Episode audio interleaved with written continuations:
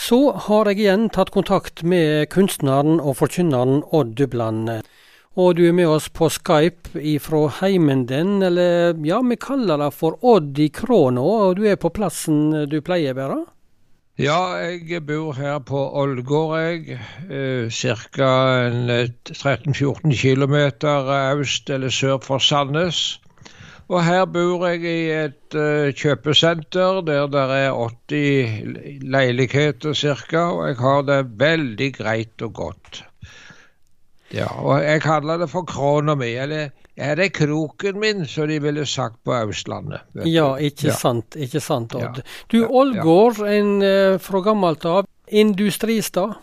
Ja, det begynte faktisk talt jo, det var jo noen bondegarder her, og så var det en haugianer som kom her opp i rundt 1870 og kjøpte rettigheten til en liten foss som er her, og så begynte de med ullvareproduksjon. Han heter Ole Nilsen, han var haugianer, en, opprinnelig en husmannsgutt fra Hjelmeland. Og Ålgård det vokste til å bli et industriplass rundt ullvareproduksjon. Så dette er Ålgård kjent for. Du, Når starta denne bedriften her? Nei, det Jeg lurer på om det var rundt 1870. Ja. Nettopp. Ja, mm. ja, ja. Du, det var mange plasser i landet vårt der det vokste opp eh, sånne tettsteder rundt industri? Ja, du ser det at det var en del av fruktene til Hans Nilsen Hauge, det. Ja, det var det, ja. Ja, ja da, det var det. Der, er, der, var, der ble starta mange tusen bedrift, eh, bedriftsplasser, eller arbeidsplasser, eh, pga. Hans Nilsen Hauge sin virksomhet. Da reiste han rundt, denne her predikanten, han reiste altså rundt i landet vårt han, og fikk folk med seg til å starte bedrifter, eller hvordan gjorde han det? Nei, altså jeg tror han hadde et veldig syn på hva som bodde i folk når det gjaldt evner. Hvis han så en ungdom som virkelig hadde evner til visse ting, så prøvde han å engasjere han i å gjøre ting som lå for det som var naturlig for han. Og på den måten så utnytta han eh, De fikk utnytta arbeidskrafta si og kreativiteten sin. Og eh, Hauge var en stor velsignelse på det viset der for folket. I tillegg til det at han forkynte Guds ord og ba folk at eh, de måtte vende om til Gud. Nå skal ikke vi snakke om Hauge i dag, det har vi gjort eh, tidligere i disse pratene med deg, eh, Odd Dubland. Men vi skal snakke, eller vi skal altså en tur til fjells i dag. Og det skjer òg en del uventa ting på denne turen. For tre av Jesu disipler som er sammen med Jesus på fjelltur. Ja, det hadde seg slik at Jesus tok med seg tre av sine såkalte læresveiner.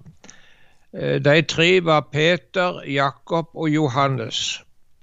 Og Johannes og Jakob de var brødre, forresten. Og disse tre tok Jesus med seg opp på et høyt fjell, der de var alene.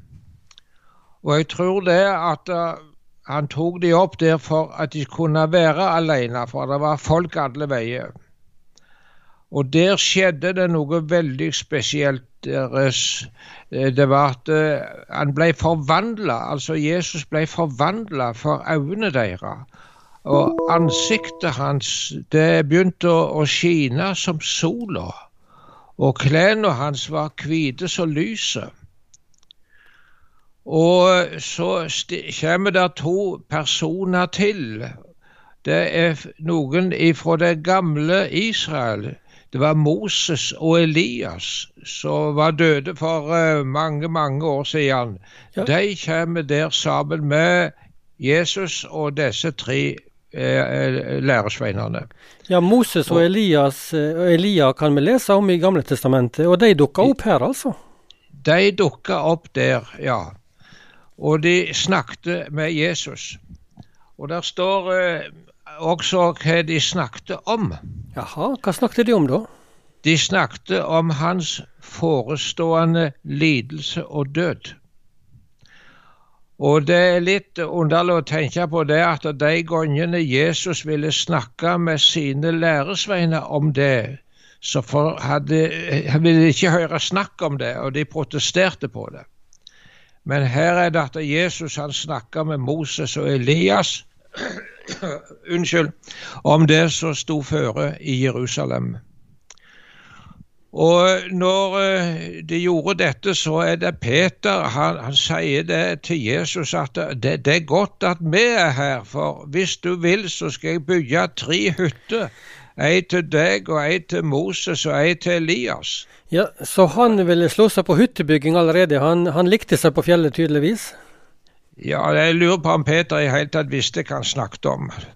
Men eh, før at Peter hadde sagt dette her, så kom det ei lysende sky og la en skugge over dem, og ifra skya så kom det ei røst. Dette er sønnen min, han som jeg elsker, i han har jeg min glede. Altså, Jesus Kristus er Guds sønn, og han er elsket av Gud, og i han har jeg min glede. Hør han! Slik ble det sagt av røsten ifra denne skya. Og denne skya, denne røysta, altså det, det var Gud som, som, snakket her? Det var Gud sjøl som sa dette, som eh, Og disse tre læresveinene, Peter, Jakob og Johannes, de var vitne til det. Hvordan reagerte de på det? Jo, altså, de ble livredde og de kasta seg ned på marka med ansiktet mot jorda, og de var fra seg av redsel. Men Jesus han gikk bort til dem og rørte ved dem og sa reis dere opp, og vær ikke redde. Og da de så opp, så så de ingen andre enn han, bare Jesus.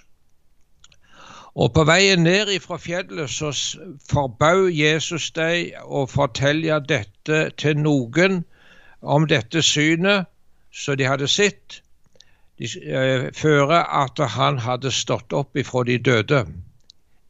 No, de måtte ikke si noen ting om det. De fikk altså se et glimt av Jesu herlighet, det som stråla ifra Han. Det var et glimt av det. Og i eh, Johannes' eh, åpenbaring, eh, der er det Johannes da som også skildrer litt av den herlige Kristus i sin herlighet. Og Vi skal se litt på noe som står der. Han, eh, han, Johannes han så sju lysestaker av gull. Og midt mellom lysestakene en som var lik en menneskesønn. Altså det er Kristus han ser. Og det vi skal legge merke med i dette avsnittet her, det er ordet 'som' i betydning 'liksom'. Jaha. Ja. Vi finner det sju ganger, eller åtte ganger, dette ordet 'som'. Altså det står han var lik, ja, liksom en menneskesønn kledd i fotsid kappe og med et gullbelte under bringa. Hovedet og håret hans var hvitt som hvit ull, eller som snø, og auga som lågande eld, og føttene var som bronse glødd i en ovn, og røysta lydde som bruset av veldige vassmengder. I si høyre hand hadde han sju stjerner, og fra munnen hans gikk det ut et skarpt, tveegga sverd, og andletet var som sola når hun skin i sin kraft. Og når Johannes så dette, så falt jeg ned for føttene hans, sier Johannes, som jeg var død. Du, Hvorfor bruker står dette ordet 'som' hele tida her? Ja, fordi at jeg fant ikke sterke nok ord. Ja, jeg måtte bare bruke det som lå eh, for Han fant ikke noe som sammenligna det med liksom. Det var bare liksom slik. Det var, det, ordene var ikke sterke nok. Og så er det at han blir liggende som død framfor uh, Kristus. Men uh, Jesus legger hånda si på han og sier, vær ikke redd. Jeg er den første og den siste og den levende. Jeg var død, men sjå, jeg lever i all eve og har nøklene til døden og dødsriket. Dette er noen veldige uttrykk som vi finner om Jesus. Og denne Peter, da, som var med på fjellet, han skriver litt om dette i et av brevene sine. Ja, noe seinere, altså? Det, ja, han, det var rett før Peter ble henretta og mistet livet som martyr. Og Der skriver han i sitt brev at uh, vi var øynevitne og så hans guddommelige velde. Og de hørte røster som kom ifra herligdommen. Dette er sønnen min, han som jeg elsker. I han har jeg min glede. Og så sier Peter, vi hørte sjøl denne røsta komme fra himmelen da vi var sammen med han på det hellige fjellet. Og Så sier han også det at det var ikke klokt uttenkte eventyr vi for med, men vi var øyenvitne som så hans guddommelige velde. Og så tenkte jeg på det at denne veldige Kristus, som er så hellig, som stråler fram på denne måten, det er han som bøyer seg ned til korsets død for oss. Og vil du lære Gud å kjenne, så må du se på og høre om det som Jesus har gjort for oss. En liten ting helt til slutt der. Jeg eh, opplevde noe merkelig for mange år siden i en drøm. Jaha, fortell. Hva var det? Ja, du, nå er det slik at jeg har drømt mye jeg som absolutt ikke egner seg til å fortelle på radioen. Jeg forstår ikke hva det var jeg drømte heller mest.